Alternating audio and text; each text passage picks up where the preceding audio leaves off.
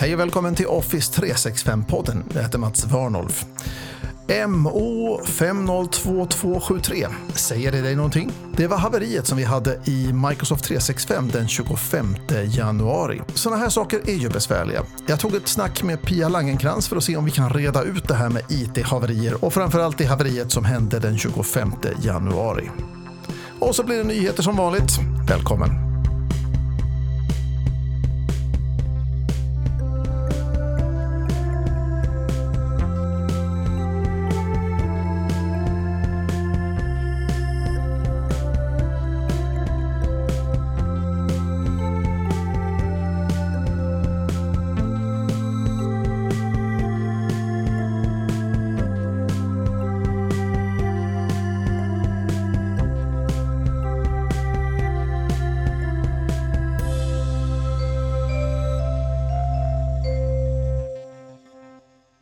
IT-incidenter är ju inget kul. Den 25 januari från morgon till ungefär mitt på dagen så var hela Microsoft 365 otillgängligt.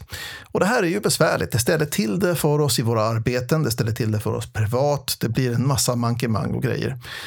Skämten började hagla tidigt på internet. Microsoft 364,5.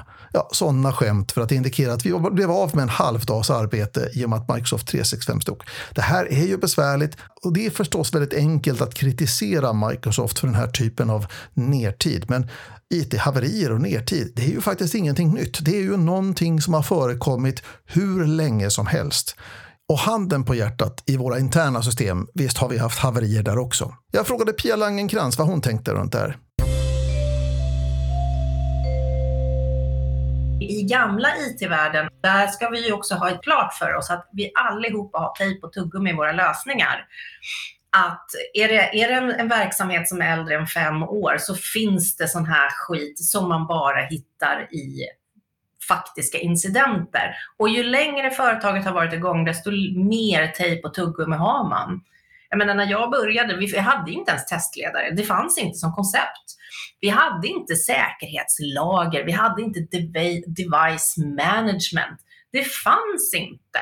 Utan sådana har vuxit fram och sen sa man så här, men den här gamla servern, vad gör vi med den? Ja, print, fax, uh, sånt där. Ja, men tejp och tuggummi, MacGyver, liksom, kör vidare, nu funkar det. Och sen då när man ska uppgradera så tittar man på IT, oss liksom och säger, är ni kompletta idioter? Då bara, först, det gick inte att göra någonting åt och sen, och sen nummer två så vill jag liksom ge hatten av till den cowboyen där borta som faktiskt med den här tejp och tuggummi löste problemet och det har hållit i 15 år och det inte har behövt dokumenteras. Liksom. Så det finns ju någonstans i, i den där historien man vill göra en liten nod och bara, det där var faktiskt jävligt snyggt gjort. Liksom. Mm. Men, ja. Ja, men precis som du säger. Eh, och, och, vissa saker som sagt, de går inte att testa för. Eh, ja. Men det här visar ju också naturligtvis på behovet av att ha saker och ting dokumenterat. Att man, det ja. finns någonstans att slå upp saker och ting där man kan ta reda på vad är beroende av vad. Mm. Det som är bekymret, jag har ju också suttit och gjort sådana här och det som är bekymret är, det är att det väldigt snabbt blir väldigt komplexa modeller av vad som är beroende av vad eftersom i en IT-miljö så hänger allting ihop. Och därför är det så viktigt att när du skriver din dok dokumentation att du skriver flera olika typer av dokumentation för flera olika typer av mottagare. Ett, ett, ett jättebra exempel som var i närtid var ju SJ när de släppte sina biljetter över jul och nyår. Mm. Och det blev ett gigantiskt prestandaproblem och folk liksom åkte ut och sådär. Eh, där måste man göra, det är en webbtjänst som behöver ha den där bättre, eh, där det blir liksom att ah, man kanske behöver skala bort en del saker, att vi kanske inte ska göra en reload på alla annonser om vi nu ska liksom titta på ett nytt datum och det är 5000 människor som trycker på knappen samtidigt. Då kanske man bara ska slå upp datum och avgångar och kunna kolla det här och hur länge håller man en stol, liksom, tar man det till sessionen och så vidare. Ja, det finns massa som man kan göra. Det finns eh. parametrar att skruva på, ja.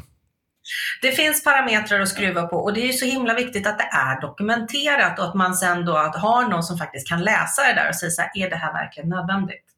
Eh, vi måste rensa i det här. Jag kommer ihåg en incident eh, fortfarande, oh gud, det var över 20 år sedan.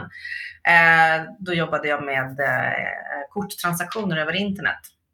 Eh, och, det här, och, och som sagt, du hörde själv, över 20 år sedan, det var det var tidigt internet eh, med korttransaktioner. Det var inte porrbranschen, de var ju först med det här, liksom, men, men det var efter det.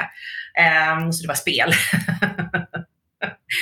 eh, och där hade vi en utvecklare som bara, ja men när det här händer så ska det här hända. Så då la han in en trigger i databasen. En trigger är ju liksom så här, det här händer, det är en reflex kan man säga, en, en, en IT-reflex. Det här händer så händer det här. Eh, och gör man det i källan så blir det ju där problemet är, utan man ska göra det i koden för att man ska kunna göra någonting annat. Så då la ju han på liksom, eh, en responstid på de här flera hundra transaktionerna som skedde i sekunden och drog ner hela skiten. Nu ska vi inte prata om ancient history som du och jag så ofta gör, för det tycker vi om att göra. Ja. Eh, vi ska prata om vad som hände med Microsofts incident som var worldwide. Kan inte du börja med att berätta vad var det som hände? Lite kort, som om det vore TT. Ja, alltså det är ju så här. Här kan man ju läsa. Microsoft är väldigt, väldigt duktiga på att, in, att eh, publicera någonting som kallas för en Post Incident Report, en PIR. Och då finns analysen, eh, dels då det som vi kallar då för en TikTok, alltså en klocka för vad hände i sekvens helt enkelt. Hur såg liksom problemet ut? När upptäckte de larmet? Vad fick de för data från eh, telemetri och så vidare? Då? Och det, det hela avslutas då med liksom lite lessons learned. Vad, vad, vad har vi lärt oss av det här och hur ska vi göra för att undvika det här problemet i fortsättningen? Så det här eh, problemet som vi pratar om just nu då, det var ju helt enkelt då den 25 januari som vi hade en rejäl nertid eh, egentligen i hela Microsoft 365-plattformen. Inte bara Teams. Över hela världen. Ja, precis. Det var worldwide. Eh, får man säga. Så vitt jag vet. Jag tror att kanske Kina som har en egen instans och så vidare och kanske den här Deutsche Telekom-instansen som finns, de var kanske inte påverkade. Men resten var det. Eh, och det här problemet då, det har ju då fått, eller den här incidenten har då fått beteckningen MO 502273. Så vill man googla på den här så kan man just kolla det på MO 502273. Då hittar man den här incidenten då som var den 25 januari 2023. Så alltihopa börjar då ungefär 8.05 svensk tid så startar det här problemet enligt telemetrin som Microsoft har själva. Då, de, säga att de mäter ju på saker och ting. Man kan se kurvor för nätverkstrafik och sådär. Och roten till alltihopa handlar om att man gör en planerad ändring av en IP-adress för en router. Och routers, deras uppdrag, eller routers kallar en del det för, eh, deras uppdrag är egentligen då att ta ett paket och avgöra, okej, okay, det är lite grann som, som brevbäraren helt enkelt. Då. Det vill säga, jag skickar det, allting hamnar i en postsorteringscentral. Vad är nästa steg för att ta sig från Korpilombolo till eh, Ystad? Då. Eh, så först är det liksom postsortering, då har vi liksom en router i, på posten i Korpilombolo som tittar, okej okay, det här ska till Skåne. Och då får man liksom lägga det här då i, i den bingen då som ska till Skåne och sen så skickas det då till Skånes postsortering. Och Skånes postsortering de klurar ut, okej okay, var någonstans i Skåne ska det här? och så vidare. Och varje sån här punkt på vägen ska fatta ett beslut om vad är den snabbaste vägen härifrån för att komma till destinationen. Och det är vad en router gör hela tiden med, med paket. Så den tar emot en väldig massa internetpaket och avgör, okej, okay, det här har landat i mitt knä. Vad är snabbaste vägen till destinationen från där jag är? och fattar då beslut om det här. Och eh, Vad de här routersna gör då, de bygger upp en slags tabeller över hur många hopp, hur många liksom, ut, andra routers måste jag passera för att jag ska komma till den här punkten. Eh, och Det finns ju ibland multipla vägar. Eh, och det är meningen att det här ska vara dynamiskt. Därför att och där kan man ju tänka som ett exempel då för de som inte är inne i den här världen är att när du eh, slår in din adress och en annan adress i GPSen så får du upp ett antal olika vägar som du kan ta. Bra analogi, jättebra. Ja. Exakt. Ja. Och mm. Det här uppdaterar sig naturligtvis dynamiskt. Precis som din karta i, i mobilen gör då, så kan den till exempel säga då, ta inte den här vägen för där just nu så är det vägarbete eller det har varit en olycka eller någonting och den kan dirigera om trafiken hela tiden så fattas det liksom beslut eh, i de här routersna baserat på hur trafikläget ser ut just nu. Och när då en router byter adress, det vill säga den ska byta identitet lite grann, ja, då skickar den ett information till andra routers. Och då sätter de igång och kalkylera om sina såna här eh, kartor helt enkelt. Det är ungefär som att helt plötsligt så vart en, en olycka på E6. Och okej, okay, hur ska vi guida trafiken nu? Mm. Eh, och under den här tiden, eh, så medan de här höll på att konversera om det här, då, så vart det någonting gick galet då helt enkelt. Så att den, den satte och kom i någon slags loop. Så de här routersna slutade vidarebefordra trafik helt enkelt. Helt plötsligt så var det som att, att kartan blev svart. Det fanns liksom ingen vägvisning alls. Utan det var, blev stopp i trafiken. Och eh, när Microsoft ser det här i telemetrin så misstänker man tidigt då att felet inte låg i det här, utan de trodde, och det var ganska klokt tänkt därför att det är en vanlig felkälla, att problemet låg i DNS-systemet, domännamnsystemet. Det vill säga att när man slog upp då till exempel vart eh, Exchange-servrarna låg, då, vilka IP-adresser de har, ja, då fick man felaktiga IP-adresser på något vis. Då, och att det var där då som problemet uppstod. Men det är som det där jätteroliga när någon går in i din mobiltelefon och programmerar om eh, telefonnumret till eh, Exakt. Liksom, gör om i adress... Vader, det är din pappa. Exakt, gör om i adressboken helt enkelt. Ja. ja eh, och, men ungefär 8.40 då har man fattat att DNS är inte felkällan. Det, då börjar man leta efter andra orsaker. Eh, 8.44 svensk tid, ja då börjar felanmälningarna ramla in. Eh, nu börjar liksom folk höra av sig. Eh, och då har Hur lång tid har det gått då? 8.05 så gör man den här uppdateringen då. Och 8.44 så börjar felanmälningarna rasa in. Okay. Ja. Och vi hade ju lite otur här kan vi konstatera, därför att det här problemet inträffar ju just under bästa arbetstid egentligen. Eh, hade det här varit mitt i natten så hade det inte varit ett problem. Då hade det drabbat en massa amerikaner istället kanske. Men nu drabbade det Europa i väldigt stor utsträckning. Då kan man väl säga att den bästa tiden hade väl varit om det hade varit just då över Pacific Ocean ja. när ingen jobbar. Så få vara... människor. Nu, så, det här problemet tog ju en stund att lösa så att det hade drabbat någon i slutändan i alla fall. Så, eh, och 8.44 där, då börjar man förstå då hur allvarligt hela systemet är påverkat. För hittills har man egentligen bara fått de här trafiksiffrorna. Men när, när felanmälningarna dyker upp, och de dyker upp från överallt, då börjar man förstå hur vidsträckt det här problemet är på riktigt. Då. Eh, 8, förlåt, 9.20, då har man äntligen hittat vad orsaken är till problemet. Och då har egentligen automation redan satt igång och börjat reparera det här problemet utan att Microsoft har behövt göra en hand, handpålägg. Liksom, utan saker och ting har redan börjat reparera sig när Microsoft väl förstår vad som är källan till problemet.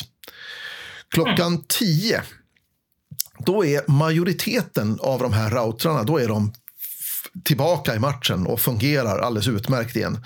Eh, och tjänsterna börjar därmed svara och börjar komma tillbaka. Och klockan 12.30 ungefär, eh, då arbetar de flesta kunderna normalt i systemet igen. Eh, då, då kan man säga då, då är det värsta över. Det finns vissa problem fortfarande med Outlook på webben till exempel. Saker och ting som inte funkar där. Klockan 15.10 så stänger Microsoft det här ärendet och säger att det, det finns restpunkter kvar men krisen är avvärjd nu, nu fungerar saker och ting igen. Och de här restpunkterna, det var vissa mailboxar i Exchange Online. Det var liksom nere på den nivån eh, som drabbades då. Eh, så, så var det.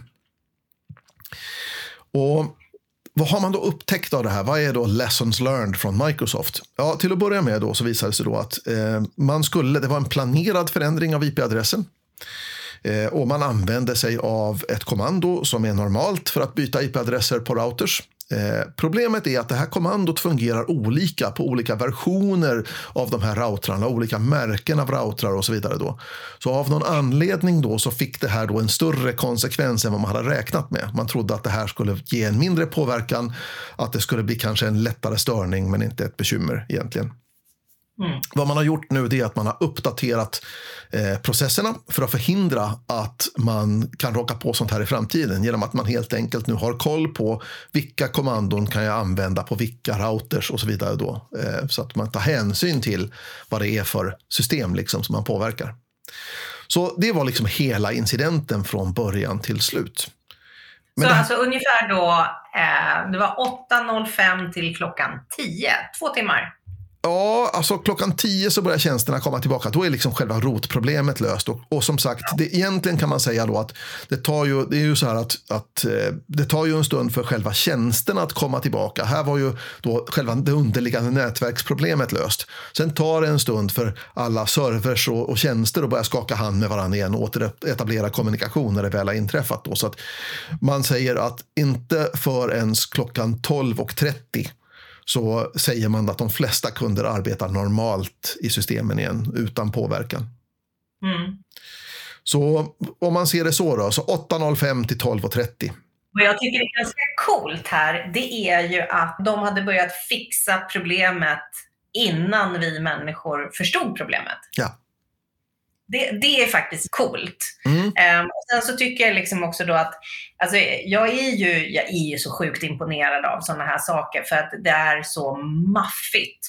Alltså hardware, alltså det vill säga de, de här olika versionerna av eh, mjukvaran som är på de här routerna, det är ju, kallas ju liksom lite mer hardware, inte så mycket software, för det är ju beroende på de fysiska hur, hur den här sitter liksom med hur det är lött inuti och sådana saker. Det är svårt det är svårt som fan. Mm. Eh, det går inte liksom att logiskt tänka och testa sig till, utan att där blir det ju, det är ju MacGyver-lösningar längst ut. De säger så här, okej, okay, men om du vill att det här ska hända, då måste jag på den här grejen göra så och så och så. Eh, och så att få det där att lira och få det där att lira över hela världen samtidigt. Det, det är så imponerande. Det är så coolt. Det är lite grymt är det. Det är, ja. det är svårt för oss som sitter, till och med jag då som känner att jag är ganska insatt i, i den här typen av, av saker. Eh, jag är ju, nu ska jag säga så här, jag är, vad ska man säga, jag, jag, jag har 10 000 fots vyn har jag och den kan jag förstå ganska väl. Bara vi, kommer vi ner på centimeternivån då är jag hur lost som helst. Men, men eh, övergripande kan man säga att jag förstår den här typen av problem ganska väl. Men mm. eh, det är svårt att överskatta eh, hur komplicerat eh, ett sånt här system är. Hur många liksom, rörliga delar som finns. Så ibland, ibland, så känner jag att jämföra det där med det berömda snacket om humlans flykt. Och att, att humlan är egentligen för icke-aerodynamisk och har för små vingar och alltihopa. Så den borde inte kunna flyga egentligen, men den gör det ändå. Och så känner jag ibland för några av de här systemen. Det är, liksom, det är så grymt komplext alltihopa. Så att, egentligen egentligen tänker man att det inte borde funka, men det gör ju det. Mm. Alltså det är ju lite liksom, eh, vad ska man säga, matematisk poesi någonstans i det hela. Att det, det är på riktigt, det är så välsvarvat. Sen, ja, det kan bli fel, men det är också någonstans där, om man nu ska vara lite filosofisk i det hela, som det här japanska, att man eh, lagar eh, trasiga vaser med guld, liksom, för att det är ja. eh, i, i sprickan, därför att det är, det är vackert. Alltså, det är vackert att få se och sen så bara, shit, det här faktiskt självpatchar. När, när jag jobbade faktiskt med att hantera incidenter i riktiga världen. Eh, jag vet inte om du kommer ihåg Code Red-viruset. Mm. Det, var, eh, det smittades på ett, ganska, på ett nytt sätt. Att man gick in på en webbs, webbsajt och smittade den och du, du kunde gå och smitta webbservrar som du gick in på vidare. Det var, det var också lite vackert, fast eh, destruktivt. Då, då. Mm. Eh, jag menar, i den incidenten, först innan vi fattade vad det var för någonting, alltså jag, jag jobbade som utvecklare, men i den koncernen, det var så här, alla som kunde någonting om IT, det var bara all hands on deck och vi sprang runt och bara drog ut nätverkskablar. Mm. Det var det enda vi gjorde liksom och bara typ så här, sitt stilla och bara, det är typ en person som får ha internet nu och titta på hur vi ska lösa det här liksom. Mm. Eh, och det tog ju flera dagar att lösa. Det var, och det var ju också liksom när lösningen var att vi fick den uppdateringen som man skulle göra för att hantera den här koden. Sen så vet jag inte hur lång tid det tog faktiskt att implementera den lösningen och att allting var tillbaka. Eh, för det var ju också då att vi PC-tekniker och ja, nätverkstekniker och allting, att vi skulle samsas över hela världen och lösa det här. Så tänker man då att det här från 8.05 till 12.30, det är imponerande. Jag är mm. imponerad. Jag tycker det är coolt. Man kan ju också resonera runt, det, det är ju många då som är, kanske lite irriterade. Det har varit rätt mycket såna här skämt. En av mina favoritvarianter på den här är så här Microsoft 364 och en halv. Mm. Syftar då på att det inte är 365 dagar utan vi tappar en halv dag där.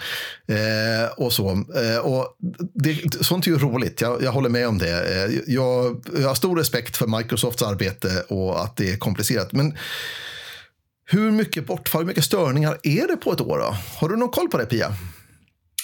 Nej, det har jag inte. Jag tittar på det där ibland för någon frågar mig. Ehm, jag, jag tror att de, de har ju enligt avtal 99,99. Mm. Uh, och jag tror att det var 99,9987 sådär någon gång när jag tittade mm. uh, på hur man räknar. Så det är ju, de håller ju sina avtal även med en sån här stor incident. Liksom. Absolut. det, är, det är lite sådär. Men uh, de, har ju, de har ju en imponerande upptid.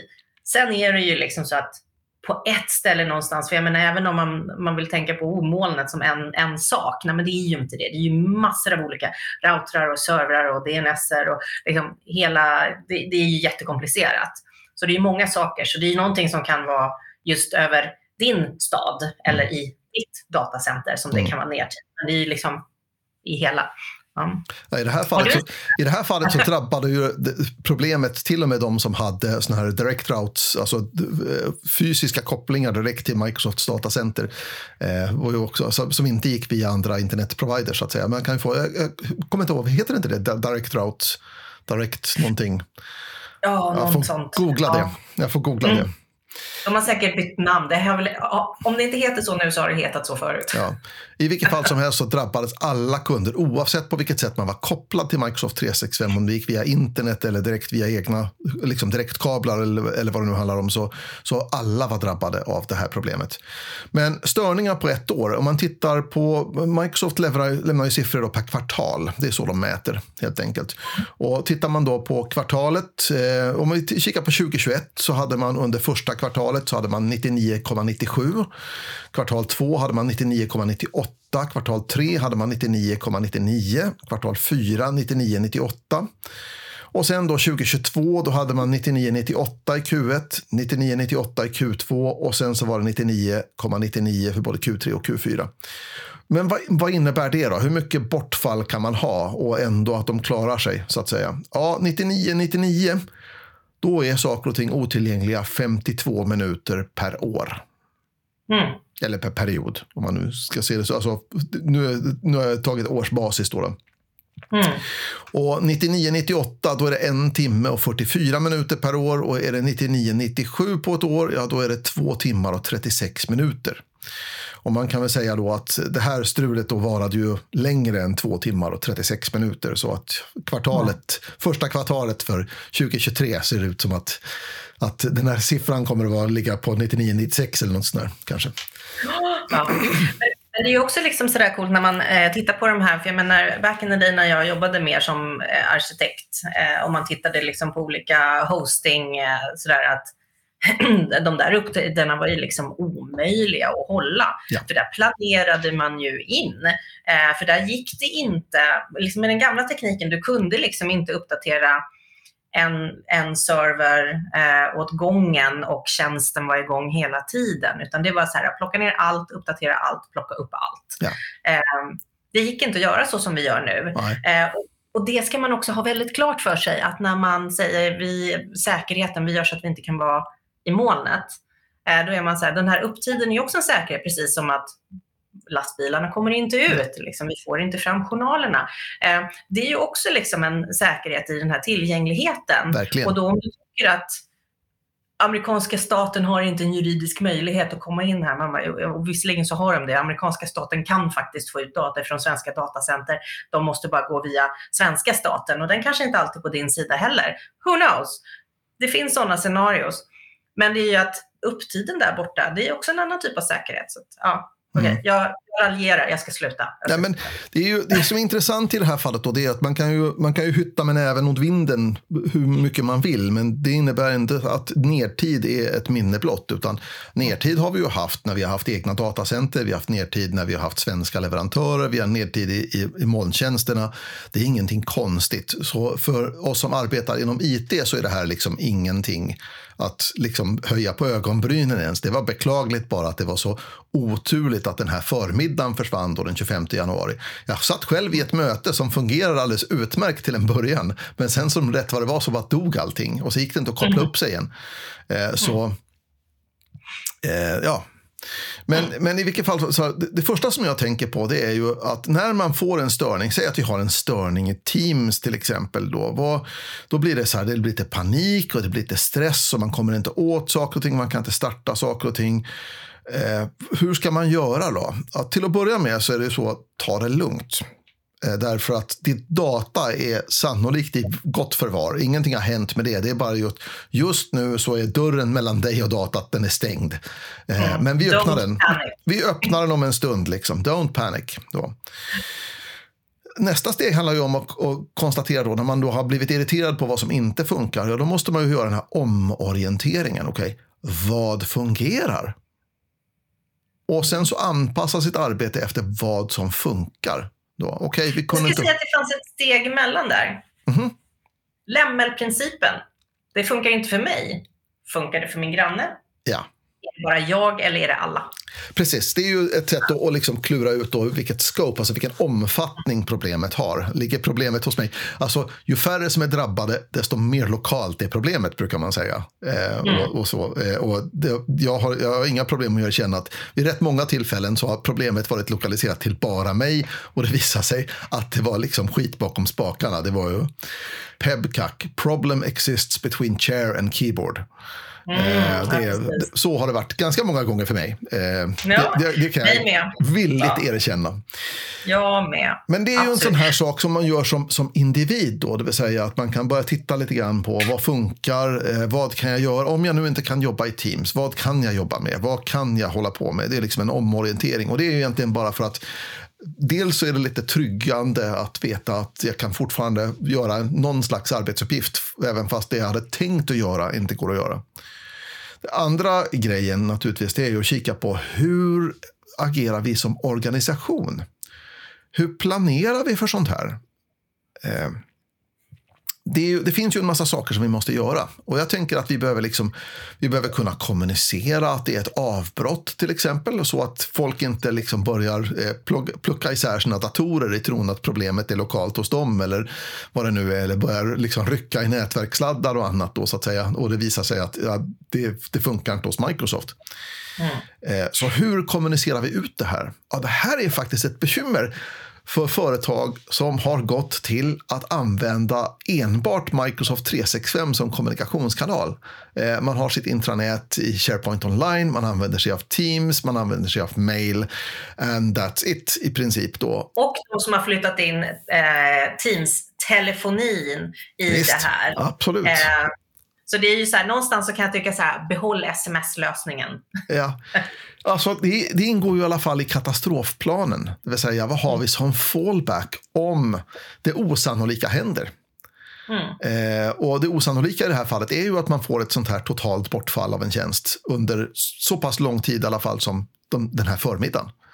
Eh, ja, då är ju det här ett bekymmer. Hur kommunicerar vi? Hur bokar vi av folk som har bokat sig för att komma på besök till en kundtjänst eller vårdinrättning eller vad det nu är? Hur gör vi? Alltihopa ja, det här måste... ja, men alltihopa det här måste vi liksom ha en plan för. Eh, och jag tänker ibland på den här eh, Coop-incidenten då, där eh, de, folk kunde inte köpa saker och ting. Coop-incidenten för två somrar sedan när eh, liksom kassasystemet var hackat på något vis. Då, så att eh, Coop-personalen kom inte in i sina kassor. Eh, och det var liksom ransomware-historier och sådär då har vi ju hamnat i ett läge då så här, det går inte att sälja någonting därför att jag kan inte knappa in det i systemet. Det går liksom inte att utföra de ordinarie transaktionerna runt saker och ting. Är det här en eftersträvansvärd situation? Ah, det kan ju ingen påstå att det är. Det kanske är ett nödvändigt ont, kanske någonting man får leva med. Men man bör kanske i sin egen verksamhet fundera på vilka sårbarheter finns där och vad har jag som fallback? Om jag inte kan använda datorer, vad kan jag använda då? Om jag inte kan använda mig av telefoni, vad kan jag använda då? Att det finns liksom en tanke, att någon har tänkt från början. Nu när du sa det här så passade jag på att googla, för jag menar Coop-incidenten var ju fruktansvärd för Coop. Eh, det finns ju andra incidenter som har varit fruktansvärda och då tänkte jag på den här apoteksincidenten. -hmm. Den var ju längre än två år sedan. Det var ju en, en hosting, ett hostingbolag som bland annat hade apotekets lösningar, liksom där man då med att deras system var nere så de kunde inte ge ut medicin. Och den incidenten pågick ganska länge om jag vill minnas. Nu hittade inte jag den. Den, var, den verkar ha glömts bort i eh, i googlingarna. Men det är också så när man googlar saker live. Eh, On demand. Ja. Man kan tänka sig att i takt med att vi går till e-tjänster, och det är, jag är absolut inte negativ mot e-tjänster, tvärtom. Eh, liksom att kunna använda sig av eh, skolsystem och liknande saker för att kunna anmäla frånvaro eller för att kolla närvaro eller för att få information om läxor så man kan stötta ungarna eller vad det nu handlar om. Det är ju fantastiskt. Det är helt otroligt att den typen av tjänster finns. Mm. Så jag är absolut inte negativ till e-tjänster. Tvärtom, jag tycker att det är jätte, jättebra. Men eh, man måste också vara medveten om den sårbarhet som vi får när vi lever i en tid när så pass mycket är beroende av datorer. Vad är motvikten där? Företagets värderingar. Det är ju här vi lutar oss tillbaka på värderingarna. Om man säger så här, okej, okay, vad är det som är viktigast? Um, om, om man nu är liksom riktig så här akutvård, alltså man tänker så här fältskär, liksom, vad är det viktigast? Ja, liv och död-frågor. Coop, vad är viktigast? Liksom? Alltså, du har ju då service mot kunder eller vinst. Liksom. Och där är det så här, nej, vi kan inte låta folk bara ta saker och gå härifrån. De kommer inte svälta ihjäl, så vi får stänga eh, om vi inte kan hantera det här. Liksom. Så då får man ju gå tillbaka till vad har man? Kan man faktiskt luta sig på företagets värderingar? Eh, och när det kommer till tjänstemän så har vi ju mycket i det här självledarskapet. Att du ska kunna arbeta med dina arbetsuppgifter utan att någon direkt talar om för dig vad du ska göra. Ehm, så att man har ju ganska mycket stöd ändå i de här verksamhetsbitarna liksom ovanpå just den här IT. Liksom. Vad är det som är viktigast? Ja, men, eh, är det skiten ska fram. Liksom, så här. Om du nu står där och eh, har liksom, lastbilen full med grejer. Om man säger så här, okej, okay, den kanske lastades intelligent. Ja, då kanske du kan hoppa bak och försöka läsa på adresserna. Liksom, med så här, okay, vad är de närmsta grejerna som jag åtminstone kan leverera någonting? Företagets värderingar har faktiskt en poäng Absolut. Men vi, vi, vi, landar ju tillbaka till det resonemanget som jag sa förut, det vill säga att, att om när vi har slutat hytta med näven mot vinden över vad som inte funkar så får vi falla tillbaka till, men vad fungerar då? Ja. Vad kan jag göra? Mm. Och det är här också den här mänskliga kreativiteten. Det är ju också, jag menar, ibland är det av ondo, det är det som vi håller på och gnäller över väldigt mycket inom IT, då, den här shadow IT, att folk är kreativa och löser problemet. Liksom, mm. det här är det ska fram, det ska bli klart, jag ska kunna kommunicera, jag ska kunna göra de här sakerna och göra saker som inte är 100% säkra mm. från vår synvinkel, men löser ett annat problem. Mm. Eh, och, och, det är ju så himla viktigt att du, liksom, att du har någonstans, varför gör jag det här? Vad är poängen liksom, ja. i det hela? Och sen att man också avsätter tid för sådana här saker och tänker högt och resonerar.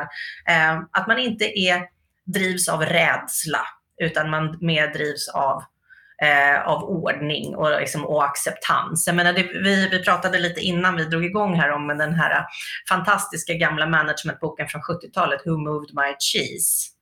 Eh, där liksom att eh, hantera förändringar handlar inte om att stå där och hytta med näven. Och man säger så här, den var här, nu finns den inte här. det här kan jag inte göra. Och liksom hitta någon att skylla på och allt det där. Utan bara, men vad kan du göra? Det är precis som du säger. Eh, och jag tänker att det är ju individens roll i det hela. så att säga. Som organisation, då, vad kan man göra då? Ja, först och främst naturligtvis så måste man ju liksom ha planer. Hur återstartar vi kritiska funktioner och tjänster när ett av de viktigaste verktygen inte fungerar?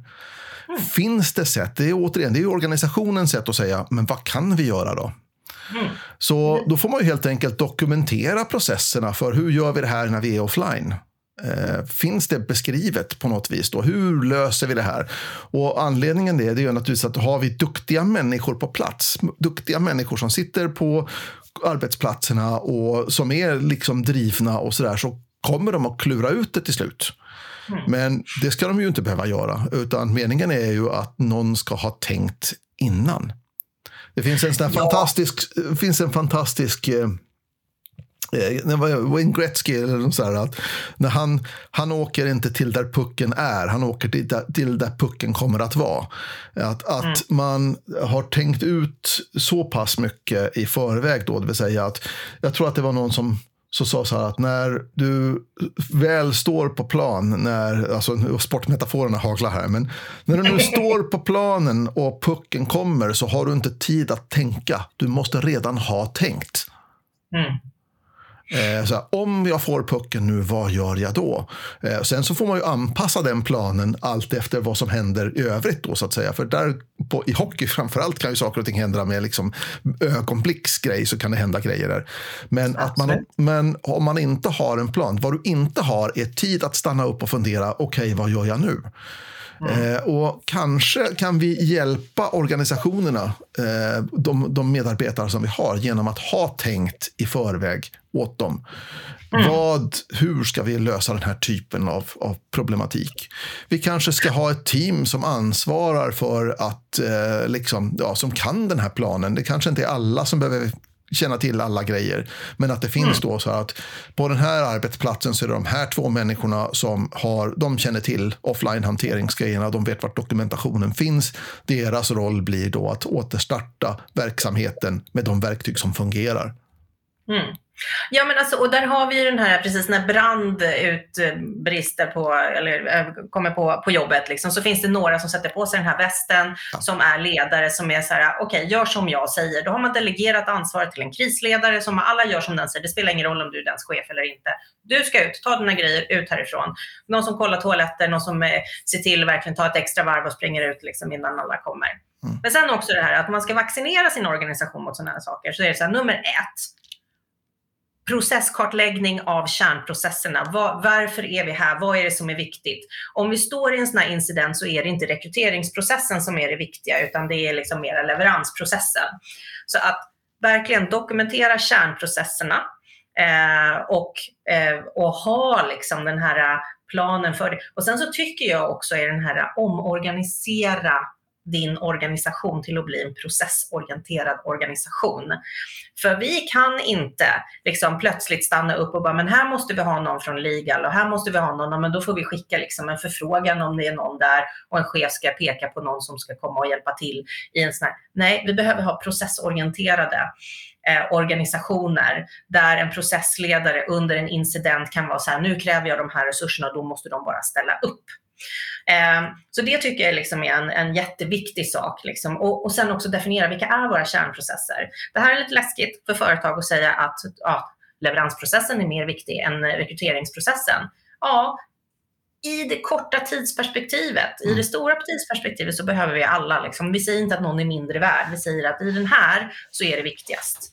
Um, och det är samma sak, det börjar brinna. Liksom. Du, barnen först, sen husdjuren. Även hur hårt det är liksom, så är det, det, det är den, eh, den ordningen som det är. Ja. Och sen är det så lite roligt också att man, behöver, man behöver faktiskt öva på lite paniksituationer. Jag, menar, jag, har, eh, jag har nog varit i fler paniksituationer än vad jag har övat för. Um, och eh, nu har jag blivit ganska bra på det.